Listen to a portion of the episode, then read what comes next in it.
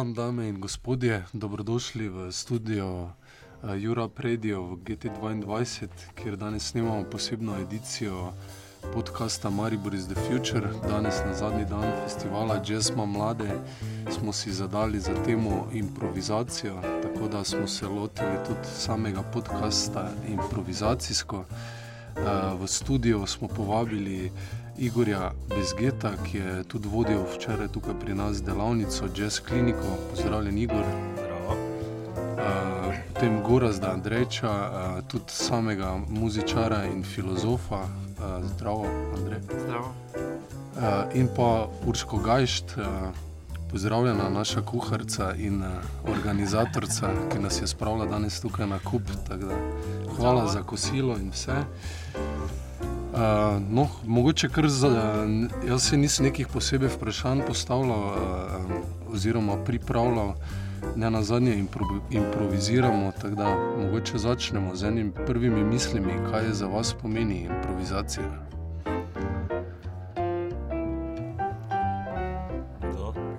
Glasbeni Si istočasno.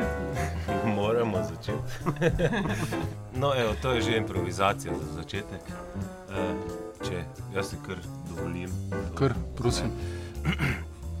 Pač e, improvizacija, dejansko življenje je improvizacija. To smo včeraj ravno se pogovarjali v uvodu. E, ko ga gledamo od začetka do, po, do konca, je vsekakor kompozicija.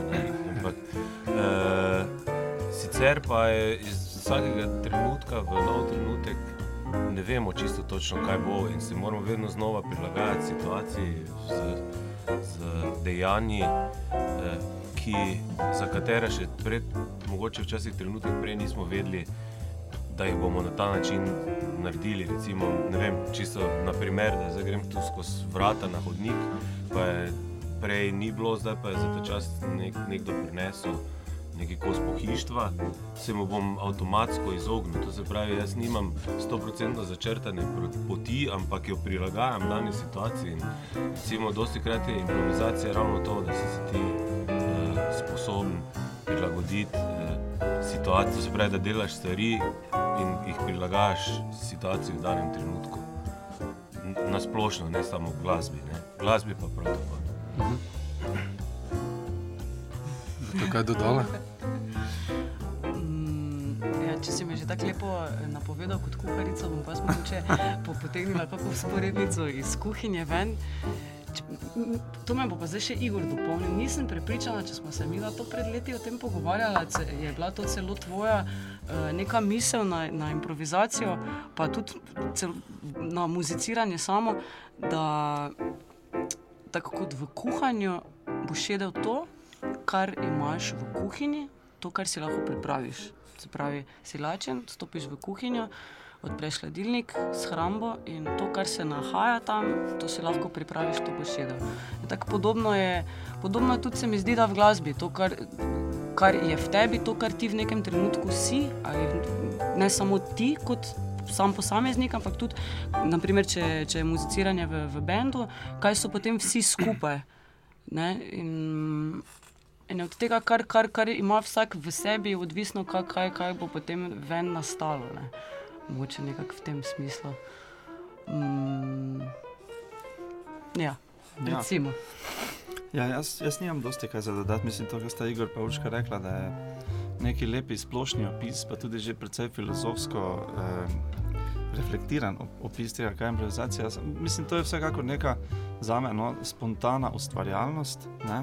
Zdaj pa pri spontani ustvarjalnosti je pa tudi tako, da je marsikaj drugega, je pa že danost, ne? to, kaj najdeš v kuhinji, to, kaj že znaš, to, kje so možnosti in tako naprej. Spontana ustvarjalnost je zelo redko, kar iz čistega niča, kot včasih kdo vpraša. Mislim, nekateri ja. prijatelji, ki ne igrajo glas, jazz glasbe, pa ne, morda ne vejo, kaj dosti o njem, me sprašujejo, če to zdaj, to zdaj ta glasbenik improvizira ali ne. In če improvizira, kar to kar čisto iz niča ven si zdaj vse zmisli. ne. Razumete, kaj mislim? Seveda ni čisto tako, ne. E, toliko faktorjev je zraven, ki potem omogoči spontano ustvarjalnost, da lahko mnogo da in da je estetsko, uh, mislim, super, ne, da njej uživamo in da prizna, priznamo njeno neko vrednost. Ne. Ja, če, la, mogoče besedo samo da dodam, uh, 2, 10, 20, 100. Uh, je, je tako, da, da uh, se mi zdi, da resnična improvizacija na instrumentu v glasbi je samo takrat, ko prvič v življenju primeš instrument v roke. Ja. Recimo, ne. Čista. Takrat je, to je res, tisto Ja. res čista improvizacija. Ne. Eh, Vse ostalo je pa že povezano z nekim faktorjem kompozicije. Recimo, o tem smo tudi včeraj malo na tej delavnici govorili v vodu, da recimo, ne obstoja absolutna improvizacija in absolutna kompozicija. Realnost glasbe je vedno nekje vmes.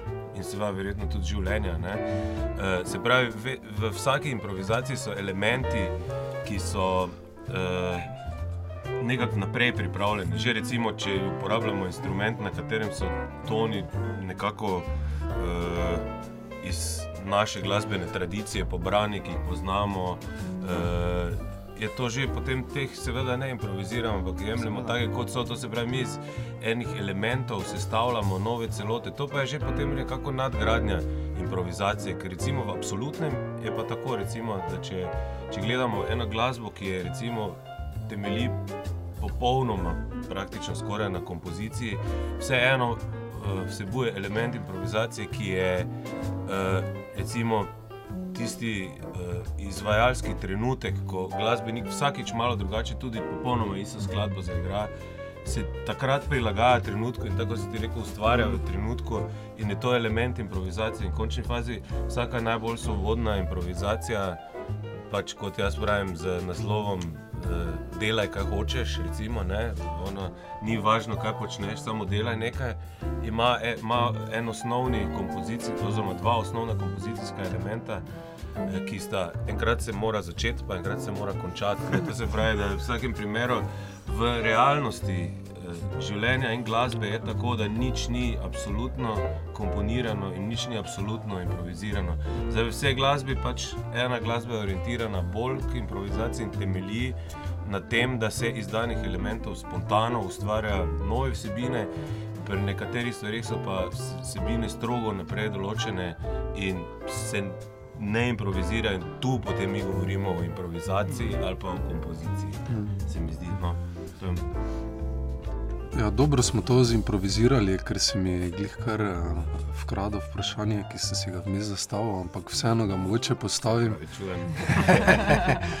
Vseeno ga mogoče postavim. Zato,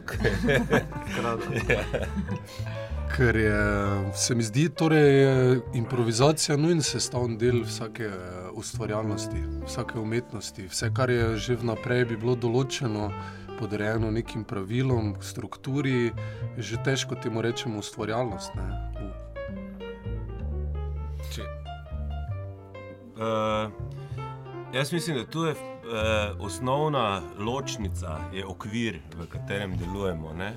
Uh, se pravi, recimo, če hočemo ne, nekaj ustvariti novega, potem moramo stopiti iz tega okvirja znanega. Ne? In če smo stopili iz okvirja znanega, smo avtomatsko stopili na teren neznanega, in na terenu neznanega ne gre drugače kot improvizirati. To se pravi, mi lahko intuitivno sicer naprej predvidevamo, kam bo ta pot šla iz izkušenj, ki jih imamo v tem okvirju, dokler smo bili. Ampak vseeno je ta pot drugačna in nova. In Je potem na nek način vedno najprej improvizirana. Ampak ko smo mi to pot lahko določili, recimo kot komponist, najprej improviziral, pa naj bo to v svoji glavi, najprej tudi to je improvizacija v končni fazi. Če si ti si v glavi popolnoma celo kompozicijo zamislil, pa si jo potem spravil na papir, vseeno v glavi najprej bila improvizirana. Ne? Je vedno prvi element, je vedno improvizacija in potem postane kompozicija. Kot na nek način zamrznjena improvizacija, rekel. To se pravi, mi smo to improvizacijo fiksirali in smo rekli, ok, najprej nismo vedeli, kaj je, zdaj pa vemo, tako je bilo in to nam je bilo všeč, to bi radi ohranili in naslednjič bomo točno tako poskusili spet narediti. To potem nosi za mene element kompozicije. To je morda, morda če lahko dodam, to je, sem se spomnil za neče. Uh, beremo o velikih uh, skladateljih iz preteklosti, torej recimo v evropske glasbe, ki jo pač pa bolj poznamo, ne recimo Johann Sebastian Bach, ki je bil hkrati improvizator ne, na orglah, takrat so imeli celo tekmovanja v cerkvah, uh, v orglarji. Ja. Orglarji so morali improvizirati na določeno temo, neke fuge ali neke, neke male teme in razvijati tisto. Ne. Uh, mislim, ena anekdota je ta, da je. Da, torej, je jaz mislim, da je resnična zgodba, sem jo prebral v resni knjigi o Bahu. pravi, pa to, pravi pa o dogodku, kjer je takrat zelo znan orglar prišel iz drugega konca Nemčije, pa Bah oba sta potovala v eno veliko katedralo, kjer sta imela to tekmovanje. Bah je prišel malo prej, se je ogreval in je njegov tekmec, ki bi naj bil vstopil v crkve, slišal, na kak način se Bah ogreva, pa odšel domov. torej, ne, torej, bah je očitno bil ne, strašen improvizator po, po eni strani, po drugi strani seveda pa ne, zdaj ga predvsem kot skladatelja poznamo. In, se mi zdi ravno to, kar si Igor prej rekel. Ne? Mislim, te njene. Ja, mislim, ne, ja, samo za Baha to ne, da se mi zdi, da te ravno te stvari, ki jih je on zagotovo preigraval in iskal v tem nekem trenutku tiste kreativnosti, ne? seveda so se mnoge znašle v njegovih uh, fugah, tadah in tako naprej in so zdaj na nek način zamrznjeni. Ja, ko že govorimo o Bahu kot verjetno enem od največjih improvizatorjev v glasbi, eh, v zgodovini te glasbe, ki jo mi poznamo, tukaj na tem koncu sveta uh, ker improvizacij v glasbi obstaja še ogromno drugih načinov, uh, marsikje drugje tudi, je bah, definitivno je, je, je to. Ne? Ampak recimo pri njem je bilo to, da, da recimo on je znal improvizirati. In recimo on je tudi dosti povzročil da, tega, da klasična glasba danes je taka, kot je, ker pa improvizacije drugih pa ga niso zadovoljevale v, ja. in mu niso bile všeč. In zato je začel Eh, recimo, pri baročnih koncertih je bilo eh, navada to, da je solist imel svoje kadence, to se pravi, da so si solisti sami kadence na licu mesta izvajali in te mm. dele, ko so imeli solo dele, so imeli temo, sicer določeno, ampak na to temo so dejansko improvizirali. In Bahu, dosti krat to ni bilo všeč, kako so improvizirali in potem je začel rekel, ne, gled, v tem delu pa ti ne boš improviziral, kaj se bo napisal, točno tako boš zaigral. Zapravi, recimo, je nekako tu ta stvar, da on kot največji improvizator je dejansko tudi največ naredil za, za ustoličenje kompozicije kot ultimativno dejstvo ja, ja. v klasični glasbi. Ne? To je tak, da, ta paradoks. Hotel sem pa reči, ko si prej rekel o tem orglarju. Uh, Zbraj ta, ta drugi vrglač, spoh ne ve, da je mogoče bil na nek način eh, moralni zmagovalec, ker je to, kar je potem Cage naredil za 4 minute, eh, ali koliko že, 15, ja. on je že ja, ja. takrat to uvedel, to skladbo, še sprem, da je sploh vedel. Se pravi, ne vem, če veste, ta skladba je John Cage napisal skladbo, kjer ni nobene note, pravi, mm. tišina, ja. pianist se sede za klavir in potem 4 minute, 3 minute, 3, 3, ja. ali ne vem koliko ja. pač se upravičujem v svojem neznanju, uh, je potem tišine iza klavirja, ker so same pauze. Ja. Prej, ta orglar je že sam sebi pauzo napisal. Ja. veliko, ja. Samo za ozadje ni imel eh, newyorških ulic, ne, ampak Bahov. Ja, ja, ja. Ja, kako pa je to potem eh, znotraj glasbe, je razlika, kako lahko na kateri inštrument uh, improviziraš, recimo Urška, ti si tudi pevka z vlastnim glasom, to bolj enostavno improvizirati. Hm, pa kaj pa vem, glede na to, da sem sicer eh, se šolala v, v glasbeni šoli in sem sicer primarno bolj kot eh, pianistka. Pojem tudi hkrati, ja, vsak inštrument ima neke svoje zakonitosti in potem iz njih izhajajoče nadaljne poti. Neke stvari so pri, pri petju sigurno lažje, neke so potem pri klavirju lažje ne vem, če bi tu zdaj potegnila neka taka trdna stališča. Mislim, mislil sem v tem pogledu tudi, ker ne na zadnje se glas neprestano spremenja. Ne?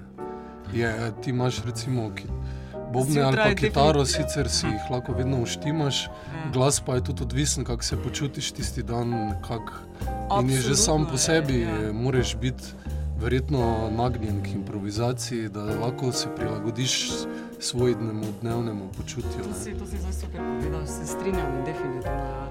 na glasu se vse pozna. Zjutraj imaš neke sorte glas, potem piješ eh, neko pijačo, ješ neko hrano, se razgibaš ali se ne, se počutiš tako ali drugače. In od vsega tega je potem tudi eh, odvisno, kako ti glas funkcionira. In je, je kar zahtevno, pravzaprav, tak, kar se mene tiče, ni, ni, ni čisto enostavno. Uh, shajati potem z vsemi temi spremembami. Ne? Ker ti v osnovi bi se moral najprej z glasbo ukvarjati, torej, če, če si v nekem polju, recimo, da se pripravljaš na nek koncert, bi se moral pripravljati na, na tisto točno določeno glasbeno vsebino, po drugi strani pa v bistvu imaš kot pevec najprej opravka s tem, da vidiš, kako mi danes glas funkcionira. Aha, ok, in je potem v bistvu lahko včasih kar dolga priprava, da, da, da samo sam inštrument za, za laufa dovolj eh, dobri meri, da ga lahko potem začneš uporabljati ali kot za improvizacijo, ali pa če ne toliko improvizacijo. Samo ja. mislim, da, da je tu uh, na, na vseh instrumentih, na glasu se to bolj očitno pozna, ampak mislim, da na vseh instrumentih je enako, ker te stvari se spremenjajo že ne samo z instrumentom, samim, ampak z našim odnosom do instrumenta, ki je v vsakem trenutku drugačen. Pač, mm. in tudi instrument v vsakem prostoru, ko se znajde, je, se v vsakem trenutku drugače odziva. E, trenutne situacije so vedno na, na vseh instrumentih zelo pomembne, predvsem pa naša percepcija do tega je, je vedno drugačna. Se pravi, nekaj, kar sem jaz včeraj slišal danes slišim drugače in jutri slišim spet drugače. In moja želja, ki sem imel včeraj, danes ni čisto enaka, in jutri bo spet malo drugače. Mm. Mislim, da se tako kot se ljudje spremenjamo, se vse spremenja, eh, tudi ta percepcija in tako da to je pri, prisotno pri vseh. Sicer pa je to, ko si ti vprašal, ne, eh, ima, vsaki instrument ima svoje možnosti in vsak instrument ima svoje omejitve. In ko pač igramo na določen instrument, eh, je dobro, da na nek način pridemo do teh meja svojih možnosti in možnosti instrumenta, eh, in da potem najdemo v tem, kjer so te možnosti, okvir, v katerem lahko delujemo in funkcioniramo. Recimo, in v improvizirani glasbi je to zelo dobro mogoče, tega, ker ni vnaprej določeno, da ti moraš nujno iti v nek teritorij, če tebi to ne odgovarja, recimo, ali pa instrumentom dobri recimo, improvizatori, tudi jazz improvizatori so to znali zelo dobro izkoriščati, ne samo svoje dobre lastnosti, ampak tudi svoje hibe na ta način. Oh, ja. Mislim, ne? Recimo, ja. ne, ne bom zadeval primer, ker je predolgo trajalo. ja, samo to je zanimivo. Zdaj, če smem dodati eno stvar, ne, zdaj, tako kot ste rekli, vidva. Jaz recimo opazim, jaz sem seveda amaterski glasbenik, ampak pač igram bobne, tokala, mislim, zdaj v glavnem samo bobne, eh, set. In, eh, To, kar vidim, je tudi ne, zelo dosti odvisno, koliko sem jaz, v kakšnem stanju sem jaz. Torej, če sem sproščen, to, to. če sem nekako res sam s sabo. Ne. Mislim, samo, in to je pogosto izven moje kontrole. Mislim, do neke mere je zavestno. Ja, ja, zavestno ja, ja, ja. Do neke mere je to vidim v moji kontroli, seveda lahko se rečem, gledaj, pa se relax, igram, seveda najprej recimo vadim malo tehnične stvari in tako naprej. Pa, ali pa če smo v, v ja. glasbeni situaciji z bendom. Ne. Včasih pa enostavno, karkoli delam, pa karkoli si sam dopovedujem, nekako ne gre prav. Ne. Zdaj, jaz ne vem, recimo, če je pri, pri profesionalnih glasbenikih, pri vaju dveh, to tudi tako. Pri meni je to recimo, strašno. Zdaj, seveda, jaz se zdaj z, let, z leti se pač učim, recimo, na kak način se bolj. Uh, sprostiti, odkačiti, da si v stiku z nekim, da lahko. Včasih se mi zdi, da kar samo igra. Včasih se mi zdi, da je proces za vse glasbenike, ki je življenjski, mislim, tudi življenjski proces ravno zaradi teh sprememb, ki se nam dogajajo skozi, ker stvari ja. niso iste in danes, ko vedno moraš iskati neko novo pot do pač istega ali pa tudi novega cilja. Ja. Dosti krat jaz sem radoveden za novimi cilji.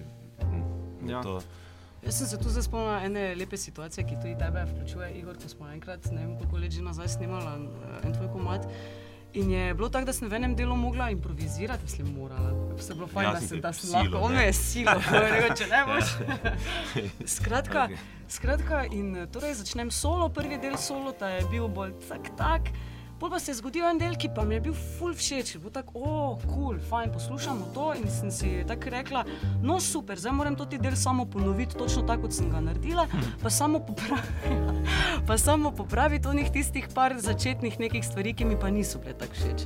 In pol torej pride drugi tek in seveda, ne, Gora se je z razlogom nasmehnil, ker pač seveda ni. naprej vemo. Naprej vemo odgovor, ne, kaj mislim, na nadaljevanje zgodbe je jasno, ne. Obsojena na obsojena na propad in jasno, da tisti drugi tek ni bil dober. Ne? In pole pa je sledil Igorjev poduk, ki, ga, ki, ki, ki se mi je močno vtisnil v mene in mi precej spremenil na celotno nadaljno razumevanje glasbe in delovanje. In, in dosti krat povem v bistvu to, eh, to zgodbico za.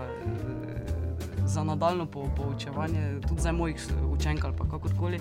Skratka, da, da razlog, zakaj mi recimo ni uspelo potem drugič eh, narediti dobrega solota, je bil ravno v tem, ker sem bila fokusirana bolj na posledico, s- posledico same sebe. Kako bi rekla, nisem bila fokusirana na stanje, na prvotno stanje, ki je v osnovi pri prvem teku bilo odločilno, da je prvi tek takrat bil toliko, toliko dober v tistem nekem delu. Ne. Ja, to je bila šlo, lekcija, ki je nam dal Hal, Hal Garper, pianist na enem workshopu, en tudi veliki pedagog, jazzovski pianist, je rekel, da ravno to, da ko, ko ti igraš, recimo, da v nekem trenutku se počutiš, da, da dobro igraš, ne? da v tistem trenutku je zelo pomembno, da si ti probaš zapomniti to stanje, v katerem si se nahajal. ne. Uh, in verjetno sem to, To, to, si- to, govoril. to, to, ne. to Ja, ja. govoril, si- Ja, super, ja, zdaj ker- si rabim jaz zdaj. Ja, i- da si ti moraš v bistvu zapomniti to stanje, v, ne to, kaj si igral, ampak to dejansko svoje, kak si svoje igral, ne. notranje stanje, Odnos v do katerem si bil. In stanja. potem, ko hočeš tak igrati, dejansko probaš sebi to stanje spet nazaj priklicati. Kar pa seveda niti približno To ni enostavno, milijon- ker, ker ne obstaja formula za to. To je si ne question. poznam. Ja, Ja. ja. Ne, to je verjetno to. Ja. Ja, kako pa potem eh, v glasbi, recimo, eh, uskladiš ljudi, ki improvizirajo? Zdaj, vsak No. ima to individualno nek eh, trip, ki mu dogaja, ne? kako to potem harmonizirati, uskladiti, kako se odzivati drug na drugega. Zdaj, če, če lahko, ja, uh, jaz to vidim na ta način. Ne, uh, imamo improvizacije v glasbi, ki imajo manj postavljenih temeljev, uh, recimo, ne, imamo pa uh, recimo, razvite improvizacijske glasbene jezike, kjer je, recimo, jaz bi temu rekel glasbeni jezik, pa ne samo jaz, to bi dejansko zraslo na zelnikih velikih glasbenikov, da so se na ta način izrazali, izražali in vlekli te paralele med jezikom in med glasbo oziroma glasbenim jezikom. Ne? E, in je dejansko tako kot v jeziku, kot v pogovoru, zato da mi lahko improviziramo govor. Se pravi, vsak govor je dejansko improvizacija. Ko se z nekom pogovarjaš, se ravno zato pogovarjaš, ker ne veš, kaj ti bo še on odgovoril in kaj boš ti drugače. Mm. Ne bi imelo smisla, da se sploh pogovarjaš. Dejansko, ne? Ne Ja, in recimo je, vsak pogovor je improvizacija. Ne? In recimo pogovor je, ti daš eno idejo in on se odziva, sogovornik na tvojo idejo nazaj, glede na to, kaj je povedal on. Ti poveš spet njemu nekaj, in na ta način teče pogovor, ki dosti krat ne veš, kam bo, kam bo šla njegova, njegov tok. Ali pa včasih imaš pa recimo na začetku, tako kot mi, zdaj imamo zastavljeno temo, govorimo o improvizaciji. To se pravi, ne glede na to, kam bo naš tok dogodkov šel, še vedno vemo, da se recimo nekje pogovarjamo o tej neki določeni temi. In podobno je v glasbi, in zato obstoja dejansko v jazzu obstoja glasbena gramatika, kot bi na nek način rekel, in obstojajo kot na nek način glasbeni dialektiki, v glasbi rečemo stili. Recimo, ne? Se pravi, da kot, kot mi slovenci govorimo štajersko, tu zdaj hopfuli. V upanju, kako se ja, upamo, da je to Upajmo, da. štajersko, kaj govorimo. Uh, in uh, recimo, so obstajajo drugi dialekti, ne tako imaš v jazzu, uh, obstoja bebop, obstoja vem, Dixieland, obstoja uh, free jazz, obstoja manuš jazz, gypsy swing, obstoja uh, cool jazz, obstoja marsikaj, Fusion. fusion jazz, jazz rock, ne vem. Svakojake temu, čemu seveda, zdaj pri teh, tak, kot, kot je v, tudi v dialektih, če gledamo, težko je včasih reči, uh, kje je meja med štajerskim dialektom in ker se z vasi v vas malo spreminja uh, jezik in on uporablja še nekaj elementov tam, nekaj tam. Se pravi, te črte niso zdaj absolutne črte, z katerimi ločimo, ampak definitivno so in so to tista, kot bi rekel, dejstva, ki se jih učimo kot glasbeniki in se jih naučimo kot jezika. In potem, ko v glasbi improviziramo, dejansko uporabljamo določene fraze, določene zaporedja tonov, ki potem nakazujejo naše glasbene ideje, ki pa v glasbi, kot jo mi poznamo, niso take, da bi te ideje povedale uh, točno dobesedno.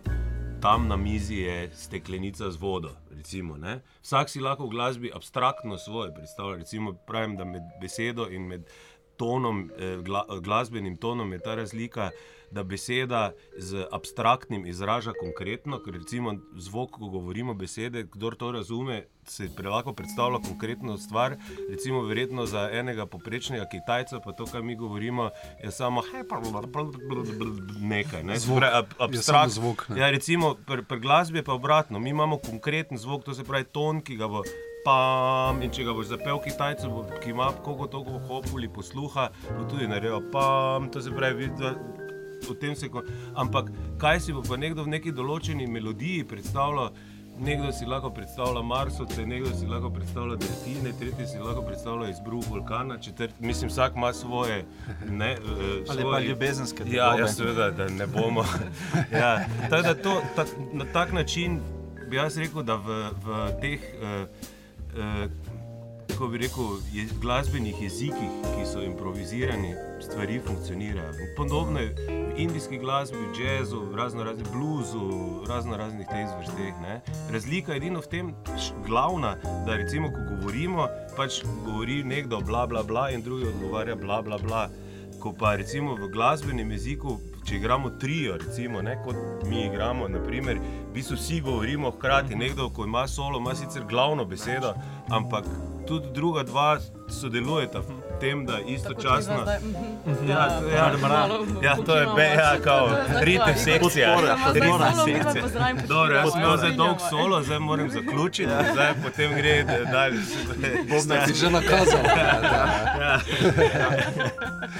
Ja. Jaz sem- pa jaz mislil, da da tu še nekaj na to, kar si rekel, Igor. Zdaj, ti si govoril predvsem o različnih recimo, okvirih, ki omogočijo, Ja. kako se različni glasbeniki lahko skupaj, ker že poznajo določeno gramatiko, določenega stila glasbe, določeno notranjo logiko in forme in tako naprej. Ne.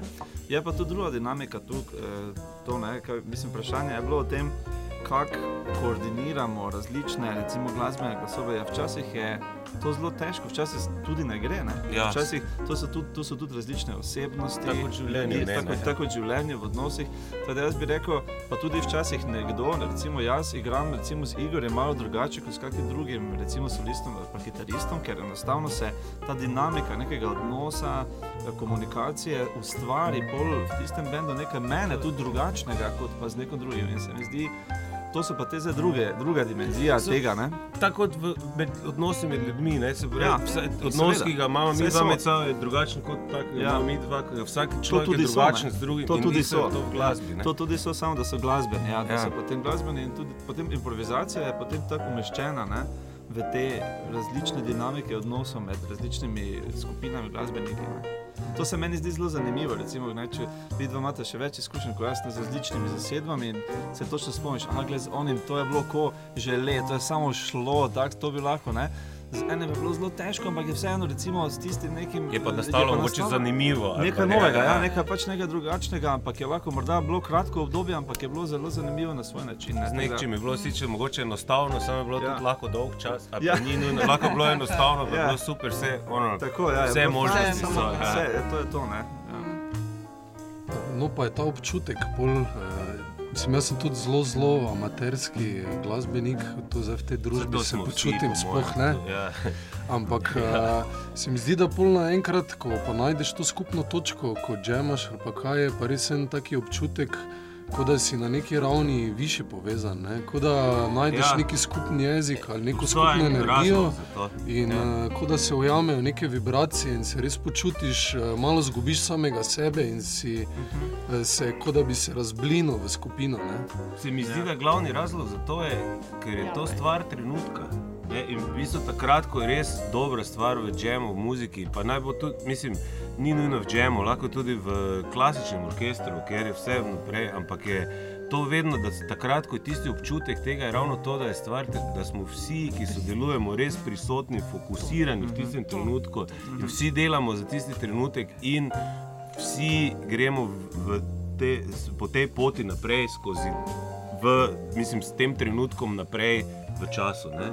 In to je to, recimo, ko, ko, takrat, ko vsi uspemo dobiti ta fokus, takrat je vedno fajn. Mislim, takrat je vedno dobro tudi tistim, ki to izvajajo in tudi tistim, ki to poslušajo, ker začutijo to povezavo. Ne? V glasbi ravno to, ljudje smo v končni fazi.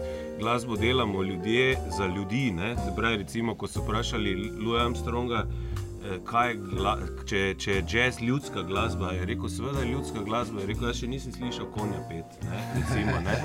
Ja, ja, ja. Ne, da je, da je, eh, mislim, na ta način. In zdaj pač v, v glasbi se zrcalijo ljudski. eh, To, kaj so eh, pač ljudski odnosi, lju, vse, kar je, vse, kar je Človeška človeško, narava, ja. človeška narava. Tako, ja. In to je to, ne, da potem, ko ta človeška narava se najde v trenutku, to je isto kot recimo, vem, trenutek ljubezni in ko se dva res začutita, je to sta takrat sta v trenutku. Ne, in pač tudi ta neke vrste pač glasbena ljubezen, ki je sicer drugačna, ampak dejansko je ta povezanost, eh, da ti se eh, predaš in tisti vsi drugi so se predali temu in potem skupaj. nastane. cilj, ja. Ja. Ja, mogoče lahko samo eno stvar dodam. Ne, to, zdaj, to, kar je bilo rečeno, tudi, ne, e, torej, da malo človek izgubi skoraj da nekako e, meje z lastnega jaza, ne, ko se res zgodi tisto, da se nekako povežeš, pa skupaj ne igraš. Ne, jaz, moje glavno področje pri mojem delu je filozofija, filozofija religije. Ne, in tam je ta diskurs, mislim, o tem se predvsej dosti govori, ne, o neki, kako bi rekel, mi- mistični ali pa kvazi mistični. Jaz bi rekel, glasba je lahko, ne, glasba je večkrat povezana z določenim mističnim doživljanjem, tudi življenja in tako naprej, ne, i- izkustev. Neoprijemljiva, že za začetek ima to. Ja, neopremljiva, ampak tudi Ja. vemo, da v mnogih teh verskih tradicijah ne, po svetu je, ima glasba ključno vlogo pri obredih in pri takih nekih, ne, se, to, to je znano. In mislim, da to ni na ključno, ne, to je ravno to, da skozi glasbo se ta neki, neke vrste eh, družabni misticizem ustvarja, ne, ker ljudje eh, kot da res zg- zgubiš tr, trenutno neke, neke meje lastnega jaza, ne rabiš eh, ne, imeti neke družbene vloge, ki jo imaš drugače ne, in se v spontanosti glasbenega ustvarjanja te, te nekako odnese. Ne. In to je tak neke vrste, če že ne religijski, skoraj da nekak, eh, neki duhovni trenutek, vsa- mislim, v vsakem primeru. Ne. Uh, mislim, tak, meni, jaz to tako doživljam vseeno. Mhm. Eh, Kako pa mogoče tu še mene malo mede včasih, eh, ko gledam recimo jazz jam sešne, ne, pa pridejo muzičari z notami na jam. Kako je to združljivo? Enostavno, vse to je, mislim, uh, že prej smo govorili, da, je, da, go, da govorimo o nek, mislim, da imamo, da eh, tudi pogovor poteka na eno temo. Ne? Ti boš tudi lahko mogoče vodil spontan pogovor z nekom tu v studiu, pa boš imel na listu napisane oporne točke. Aha, to, to danes je pač, ker imamo absolutno improvizacijo, ni, ampak recimo, ne. eh, Sicer pa dosti krat pač ima novinar tudi naprej pripravljena določena vprašanja, čeprav bo pogovor improviziran, ne bomo vedeli, kaj bo. Se pravi, jasno, da je to združljivo. Vse smo recimo, že s tem, kaj sem na začetku rekel, da vsaka glasba vsebuje elemente in enega in drugega, je brez kompozicijskega faktorja.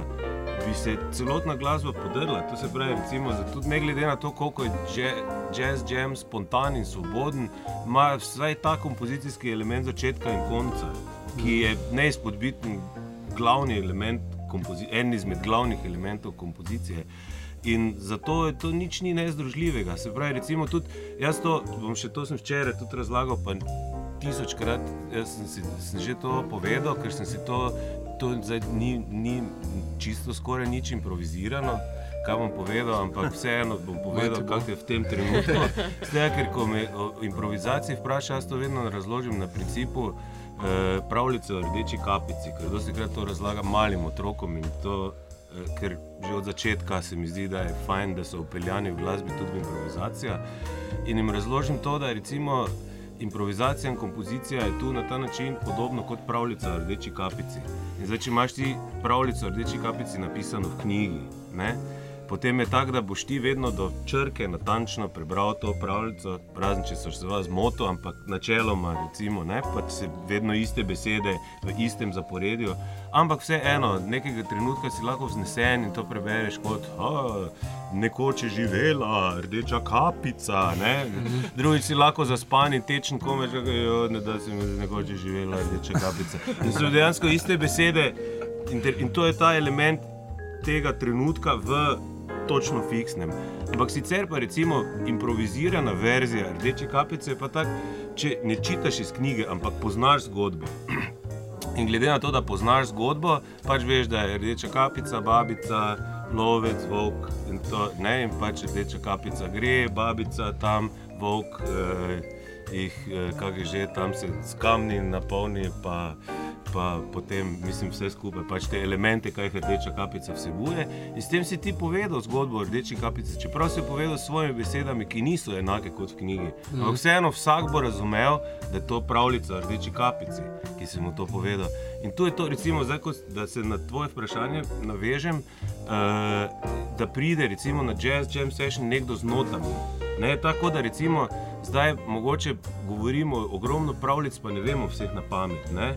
Ampak recimo znamo, pa jih mogoče pri jaz ne tako dobro, ampak nekateri zelo dobro znajo brati eh, te stvari, ne? jaz bolj znam brati gobe, kot pravijo pridmorci.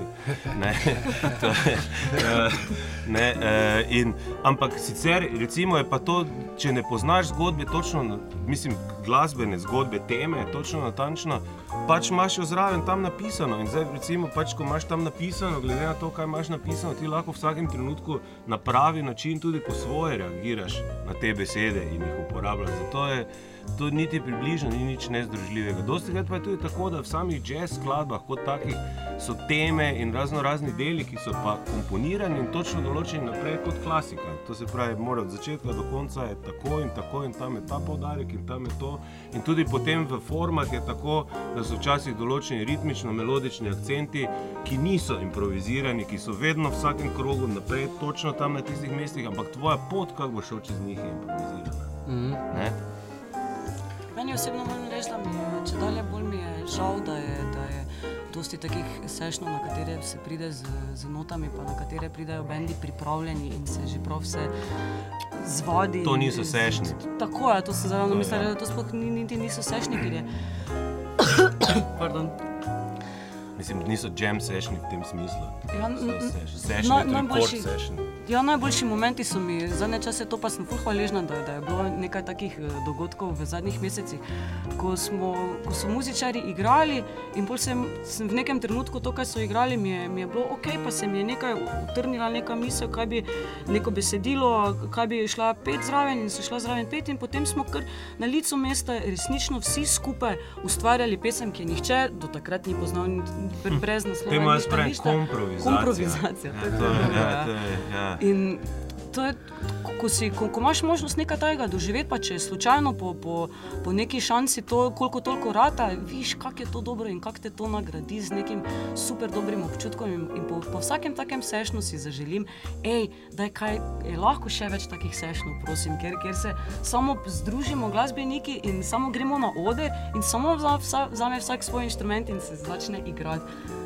Vse to je, recimo, moram pa reči, zdaj, da v bran tej drugi strani, tudi ki si jo ti, recimo, tu rekel. In jaz se popolnoma strinjam s tem, da to ni sešen, če nekdo prije do note pripravljen na oder. Mislim, to je pač ok, pač zaigrajo to, kar so zvadili, ampak ni to stvar, ki bi jo naredili v trenutku. Ne? To ni, ni to jam session. Jam session je stvar, da ne vemo, kaj bo. Ampak vseeno, dosti krat si na takih sešnih, kjer ni niti sklad, kjer niti to ne pride do tega, da bo prišel ne vem, nekdo, ko bo igral bas in bo igral en ton in en groove in bobnar bo začel nabijati en ritem in potem bo začeli vsi igrati po enem in istem kopitu in tako se bo delalo naslednjo eno uro. In, in To pa, je, to pa Ja. spet nima smisla. Tako da, recimo, se mi zdi, da mislim, nima smisla, mogoče ima, ampak ne vem, dosti krat je boring, nič pametnega Ja, ja. se ne zgodi, ker vsi ker ravno v- niso v trenutku, vsak ve, da pametna paša, pa dela samo tisto svoje, samo da gre dalje. Ne. Ravno ravnoteže med tem dvojem je prava stvar. Se pravi, da ti imaš glasbeniki, ki, ki pridejo na session, da so zverzirani, da vejo te stvari, za- o katerih bodo tekle glasbene teme, de, debate na odru, ampak da so vseeno dovolj odprti, da na te teme lahko vedno znova prihajajo. Recimo sami dve, največji glasbeniki kot Coltrane in podobno. Uh, so tudi dosti krat igrali jazz standarde, ki so jih interpretirali na čisto svoj način, so zelo svobodno, ampak vseeno so bile to neke določene rdeče kapice, ki so jih oni razlagali. ne. Ja. Je, je pa ne, če dodam, je pa tudi res, da jam session je, mislim, jaz se spomnim predvsej takih bednih. Ja, ja, no, vse to, ne. to, dosti krat Ko je bilo- tega ni, gre so bili, v ja, ko so bili ljudje, niso da- imeli, no, niso Ja. imeli, pa niso niti znali, pol pa so nekako, ne pa, ker jam session je pač tudi v tem smislu nepredvidljiva, da lahko kdorkoli, kjer se pač morda počuti, pač proba, ne. Uh, in potem dobiš marsikaj. Ampak ena stvar pri Jam Sessionu, pa tudi se mi zdi pomembna, je vedno neke vrste tveganje. Ne? Ti, ti igraš z novimi ljudmi, pač moraš biti dovolj hraber na nek način, da tvegaš, kar ni vedno lahko. Pa v javnosti je in tako naprej. Da to je spet neka specifična situacija, kjer je ne, drugi pogoji so za lahko nastane nekaj ful dobrega, lahko pa tudi kar drugače si, morda v čem dober, pa v Jam Sessionu ne boš mogel niti. Ne, to, to so vse Ja. take specifične specifične situacije. Je pa res, da ne, v neki ameriški kulturi, jazz glasbe, odkot je prišla tudi k nam, ne, tam je jam session neka, neka osrednja.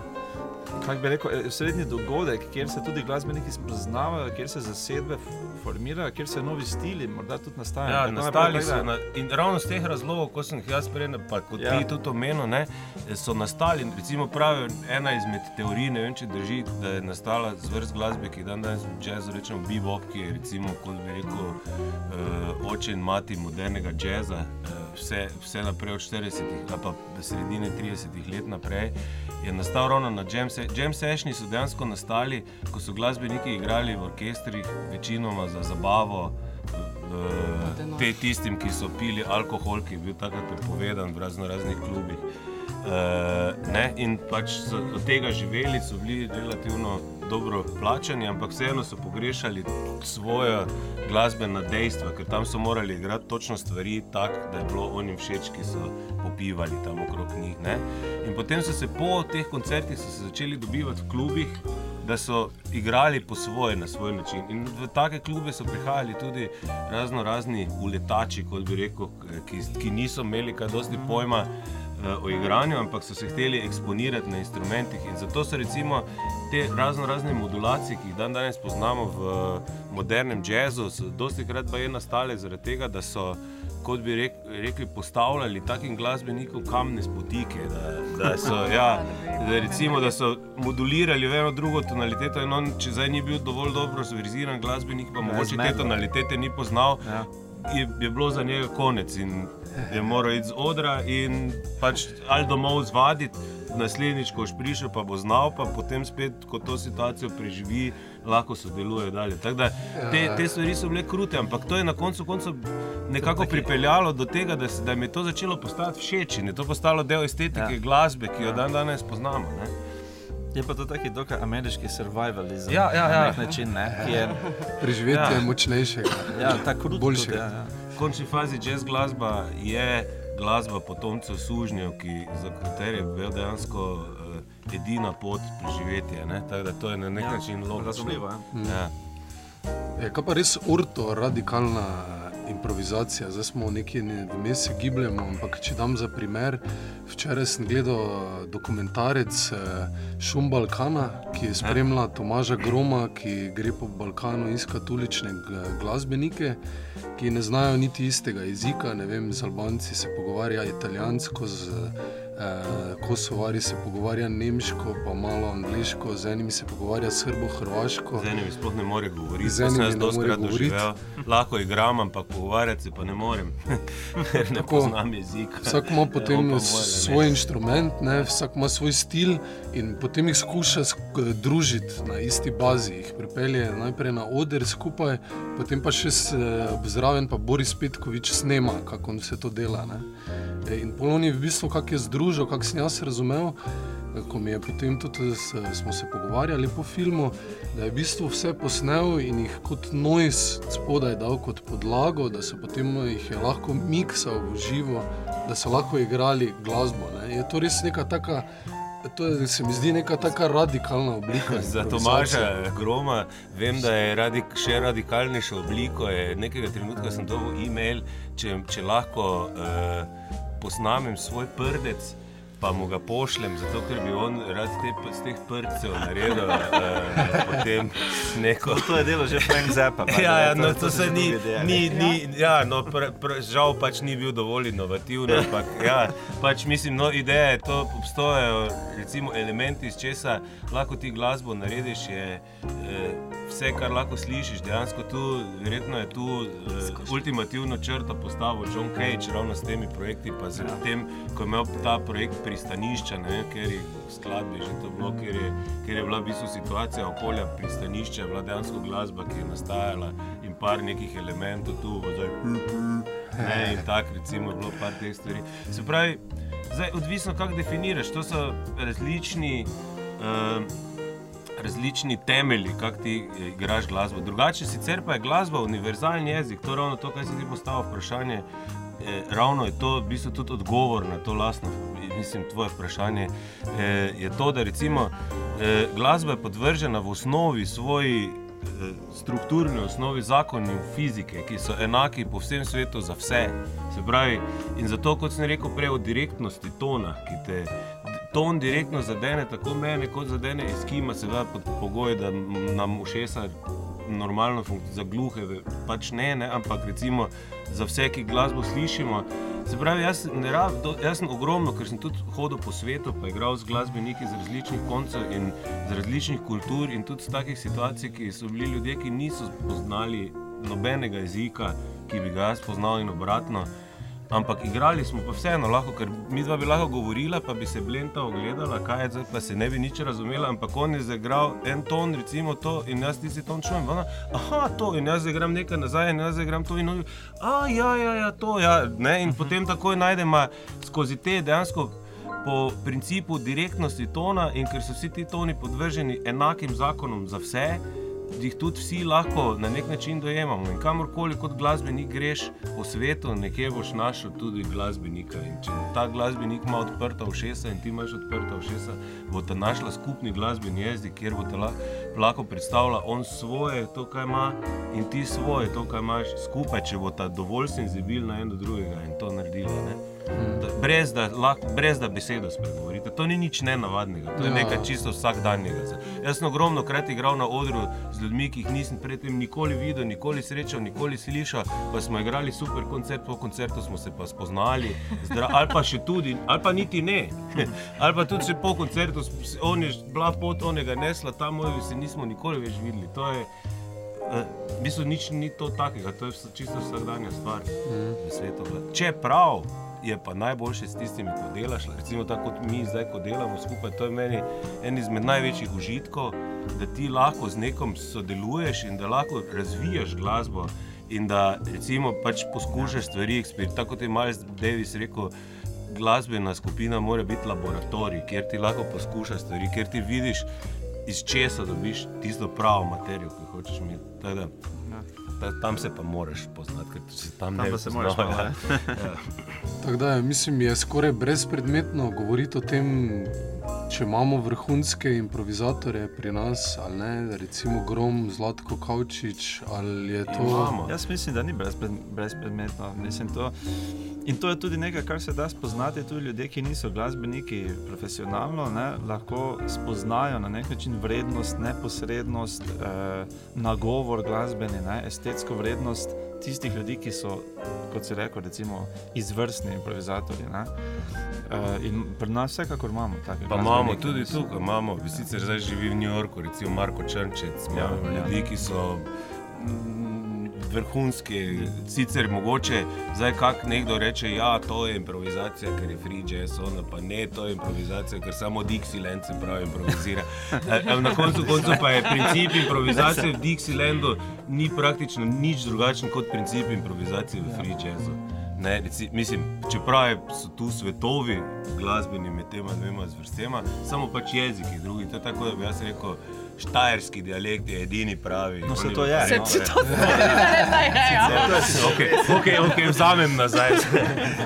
Ampak vsekakor ni brezpredmetno in v Sloveniji imamo odlične improvizatorje. Mislim celo, jaz bi rekel, da v določenih elementih glasbenega dogajanja smo uh, popolnoma up to date uh, temu, kaj dan danes v svetu dogaja, ali pa celo mogoče na tem področju, kot sem jaz tudi aktiven v nekih stvareh, smo celo neke vrste trendsetterji ne, za, za te stvari, Ki ki se mogoče dogajajo. lahko naštejemo za poslušalce, koga, na koga bi morajo biti Jaz bi najprej Jaz Igora bi tudi naštel. najprej Igora naštela. Mislim pa tudi, to bi rekel, ne ravno s- eh, iz tu Maribor, pa z našega področja, ne, išlo, kako bi rekel, skozi neke, neke kako bi rekel, delavnice, pogosto z Igorom.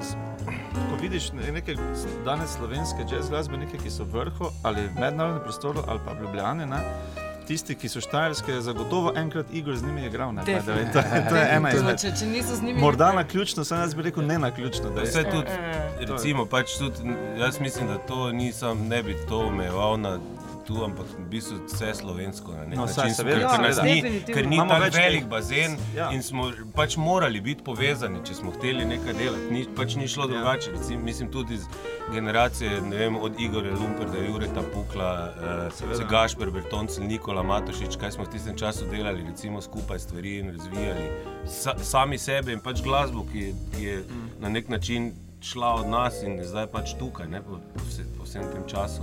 Ja. Ne, tako da je ogromno tega. Eh, edino, pač, če je tu pri nas problem, je to, da mi ne znamo prave pozicije do tega eh, si postaviti.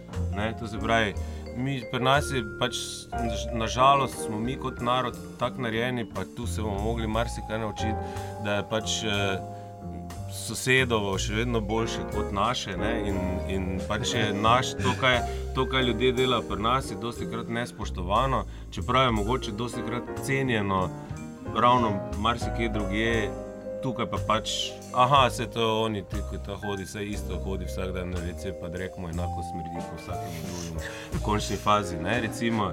Uh, ne, Škoda, da še nimajo ja. drugi narodi take mentalitete, ne? ker pol bi tudi Slovenci prišli na svoj račun. Eh, Veš, kaj sem, vse verjetno vsak narod ima nekje eh, ta del, mislim, in je nujno potreben, eh, zaradi tega, ker to je tisti, tisti kjer, kot ko bi rekel, to je neke vrste zavest naroda, da se, da se narod sprašuje o svojem prav in narobe, kar je, kar je definitivno potrebno. Samo na drugi strani spet smo pri ravnotežju, ne? na drugi strani mora biti pa tista vera, da ti si in da ti si vreden in dober in to mora biti vseeno nekje uravnoteženo s tem, da pač ti tudi dvomiš v vse svoje, kaj imaš. Ne?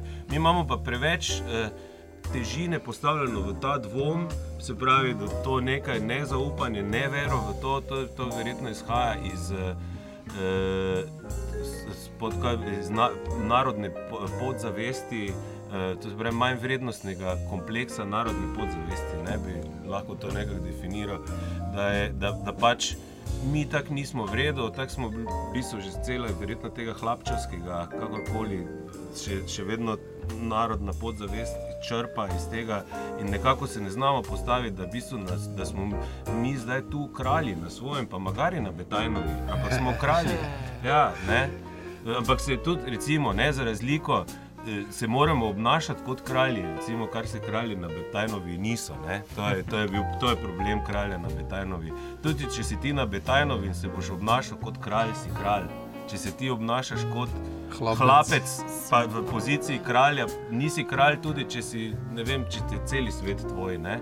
Ampak kaj pa pomeni biti kralj, za moje pojme, pa pomeni predvsem imeti odgovornost do tistega, čemer kraljuješ. Ne? To je prva tvoja naloga. Se pravi, vsi vidijo večinoma vlogo kralja v tem, kaj vse kralj lahko naredi, kot eh, recimo neki polbog na zemlji, ima možnost, da vse to dela. Ampak na koncu koncev noben, ko pomisli na kralja, ne pomisli, da je tu prva stvar, ki je odgovornost in da je to ravno med to močjo je tu na drugi strani spet ravnotežje ustvarja odgovornost. In to je tisto odgovornost za samega sebe, vera v samega sebe. In ko bomo enkrat to spoznali in vedeli, potem se nam piše res dobri časi. Sicer je malo boljše, kot je bilo vse. Ja, je boljše. Ja. Recimo, jaz sem pač tujini živel nekaj časa, zbišel nazaj, pa vidim mlajši glasbeniki, imajo več samozavesti, na nek način se mi zdi, ne? več, ja, ja. več nekega časa. V 90-ih je bilo še bolj. Uh, improvizirana, recimo jazz glasba je bila tako. Eno je bilo ta ljubljanska, ki je bila bolj establishment, ne pa big band, pa to, kar se je okrog ja, tega ja. zgodilo. Drugo je pa bila recimo tukaj v Mariboru. Ja. Uh, zlatko, tak, samo, ja, zlatko pa je iz Primorske in Zlatko se ja. nikoli ni z Ljubljano povezoval. On je ravno te ja. eh, periferije, nekaj bolj vzniklo, bottom-up approach, ne bi lahko temu rekli. Ne. Danes pa živim, da je to že vse se na nek ja. način pomešano. Ljudje, ki so čisto sami začnejo tudi zdaj, recimo v Ljubljani. Veš, to, to je, je boljše, tudi, boljše. Veš, kaj je tu dosti dodalo, mm. to ne smemo tu zanemariti. Mislim, nikakor ni za zanemariti. Tukaj je v bistvu tri leta potekala ta eh, eh, glasbena in plesna akademija, ki jo vodil Reggie Workman in Aha. takrat pripeljal res vrhunski ljudi, vsem, ki so ogromno dali.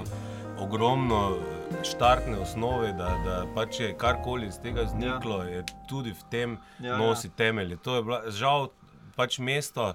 Nikoli ni spoznalo pomembnosti in kvalitete, da bi si to lahko obdržalo, ker to je vseeno bila stvar, ki je pač bila povezana z velikimi stroški, ker je ja. pač že logistično bilo treba spraviti te ljudi sem, jih tukaj pač preživeti določen mhm. čas. Ampak recimo, kaj je pa to tudi dalo temu glasbenemu okolju, pa tudi skozi mene, ne glede na to, da sem bil tam kot mentor, sem bil v bistvu kot učenec dejansko proti tem velikanom glasbe, s katerimi sem tam delal. Uh, je to, pač ne, sploh ne morem povedati. Uh, Kaj, smo, kaj sem jaz tega dobil, pa mogoče posredno preko mene, še marsikdo drugi tu okrog. Ja. Pa tudi vsaki, ogromno ljudi, ki so hodili na te delavnice. Potem je bil tudi delavnice, imel Arči Šep, ta je bila tudi, recimo, ta je bila ena izmed uh, najbolj pomembnih, se mi zdi, delavnic improvizacije, ki, improvizacije, ki so se zgodile v Mariboru. On nas je peljal kot, bi rekel, male otroke iz vrca, nas je popeljal skozi svet improvizacije. In to je, recimo, pač, jaz sem bil organizator takrat te. Uh, Te delavnice, ki je imel, in je Arči še prišel do mene in me vprašal, kaj, kaj bi si želel, uh, da bi pač on predstavil tu na delavnici. In on, eh, pa sem jaz rekel, pač, da bi si želel, da govori o svobodni improvizaciji, o glasbi, kako pač svobodno improvizirati. In, rekel, in potem je stopil do mikrofona in rekel. Jaz ne bom nič kaj dosti govoril, ker nisem dober govorec, ampak pač tu imamo skupino ljudi, glasbenikov, pa bomo reči igrali, pa bomo videli, kaj bo z tega nastalo. Ne, smo začeli pač glasbeno delavnico, ki bi naj bila popolnoma svoboden, free jazz, smo začeli na ta način, da je rekel, ok, fanti, zaigramo en blues. Ne? In smo šli pač čisto navaden blues na tri akorde, igrati in je potem on za svojo energijo nas usmeril skozi ta blues in pa mi nekaj igramo, pa no, to ni probe to tako, pa poskusi to tako. Nas je v tem bluzu zložil, da smo ta blues zaigrali koliko toliko nekako. Ne? Potem je bila naslednja stvar, ok, kaj zdaj igramo igramo en standard, recimo jazz standard. Smo vzeli en, ne vem, mislim, All the Things You Are, neko tako znano jazzovsko temo in smo improvizirali. Ne? Pač igramo eh, v tem okviru, čisto standardno. In on igra najprej čisto standardno, čisto po, ko bi rekel, po, po predpisih, potem vedno bolj začne dodajati samega sebe, noter, vedno bolj začne dodajati en taki zvok, ki je res, ki ga vsi, ki poznajo, če še pa vejo, da je to njegov zvok, v ta jazz standard. Ne? In potem je bilo, polje, pol smo šli to, naslednja skladba je bila tako, da je rekel, uh, uh, ok, to je v šest, mislim, ni to za to, za jaz rečem, ampak pač je rekel, igramo en pedal ton, to se pravi na enem tonu, probujemo nekaj ustvariti, pa potem mogoče imamo pa en element, kjer pa gremo ven iz tega tona. To se pravi, že celo situacijo postavljati na malo bolj abstraktni način.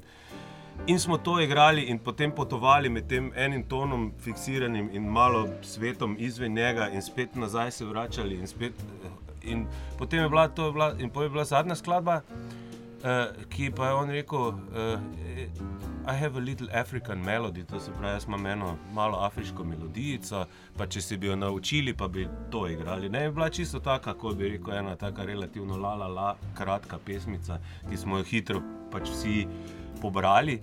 In smo začeli to igrati, in potem smo igrali to nekaj takega, pač neki, recimo, taki. Dokaj vesel ritem, ko bi rekel, na nek način je nastajal. In potem je on začel na nek način igrati, ki ga, ki ga ne moremo opisati. Ampak to je bila situacija, ko je uh, naenkrat je on z svojim saksofonom celo stvar povedal tako, da, ko da bi. Ko da bi Ne vem, podrl vse barijere glasbe v tem noter, kot da bi naenkrat se vse ni bilo več, naenkrat ne tonalitete, naenkrat ni bilo več ne, ne točno določene dobe, ki je prva, ki je zadnja, ki je karkoli. Naenkrat je bilo to vse samo ena taka gmota enega zelo lepega zvoka, ki smo vsi začeli v njem sodelovati in, je, in smo potem, kot da, ko da nas, kot da recimo, da je dogural ono Sizifovo okroglo do vrha hriba. In v enem trenutku je mu uspelo, ne tako oni, ampak je spustil dol in se ta zakotalila dol. In smo, recimo, eni 50 minut potem improvizirali popolnoma svobodno. In tako, da smo res en drugega poslušali, se čuti in je nastala čudovita glasba. To se pravi, on je za mene je bilo to lekcija, se pravi, kot da pač me je nekdo pripeljal skozi celo, mi pokazal, kot da bi bil v muzeju jazza ali pa neki razstavi jazza. Pa vidite, to je pa tako. To je tako, to je tako, to je tako. In še nekaj, kar sem se naučil iz tega, je, da ti največji improvizatori, ki igrajo popolnoma svobodno glasbo, so zverzirani v, v, v oni niso do tega prišli tako marsikdo dan danes, ki bi hotel igrati neko svobodno improvizacijo, pa se mu ne da vežba tonega drugega, zato bi igral svobodno. Ti vsi ljudje znajo na najvišjem nivoju igrati vse one stvari, so jih igrali, to je bilo njihovo življenjsko, v končni fazi so živeli večinoma od tega. Ampak to je bila njihova nadgradnja. Mm. In to dan danes, dosti krat se vidi, to, da so ljudje pozabili na tisti prvi del, ki ga morajo znati. In to pa je moj prijatelj Šarat iz Indije enkrat lepo opisal, ko sem jaz enemu Bobnarju hotel dati eno lekcijo, ki je bila preveč za njega, on smatral in mi potem on rekel ne razlagaj mu tega, pač, pa smo rekli, vse zakaj ne, ne bom jaz zdaj mu razlagam neko zahodno materijo, ne rabim iti po nekem strogem indijskem učnem principu. Je rekel, vse ti ni treba, ampak nekaj ti povedal. Ne? Rekel, ti lahko zdaj njega to naučiš, ali pa on se lahko nauči lekcijo številka deset. Ne? Pa, pa, pa bojo znal, pa lahko se nauči lekcijo 20, pa se bojo tudi znal, pa lahko se nauči lekcijo 100, pa bojo tudi znal. Ampak ne glede kako lekcijo 10, 20 ali pa 100 igral, povsod se je poznalo, da manjka lekcija 1, 2, 3, 4, 5, 6, 7, 8, 9. Ne? In to je, to je pač zelo pomembno pri, pri dojemanju glasbe, se mi zdi. Uh, ja, tu bi se kar navezal, Igor, prej si rekel, da vse, tudi vsaka improvizacija ima začetek in konec. Uh, mislim, da smo že zdaj prestopili eno uro, tako da uh, bomo mogli tudi to našo improvizacijo spraviti v kompozicijo ne? in jo, in jo skleniti.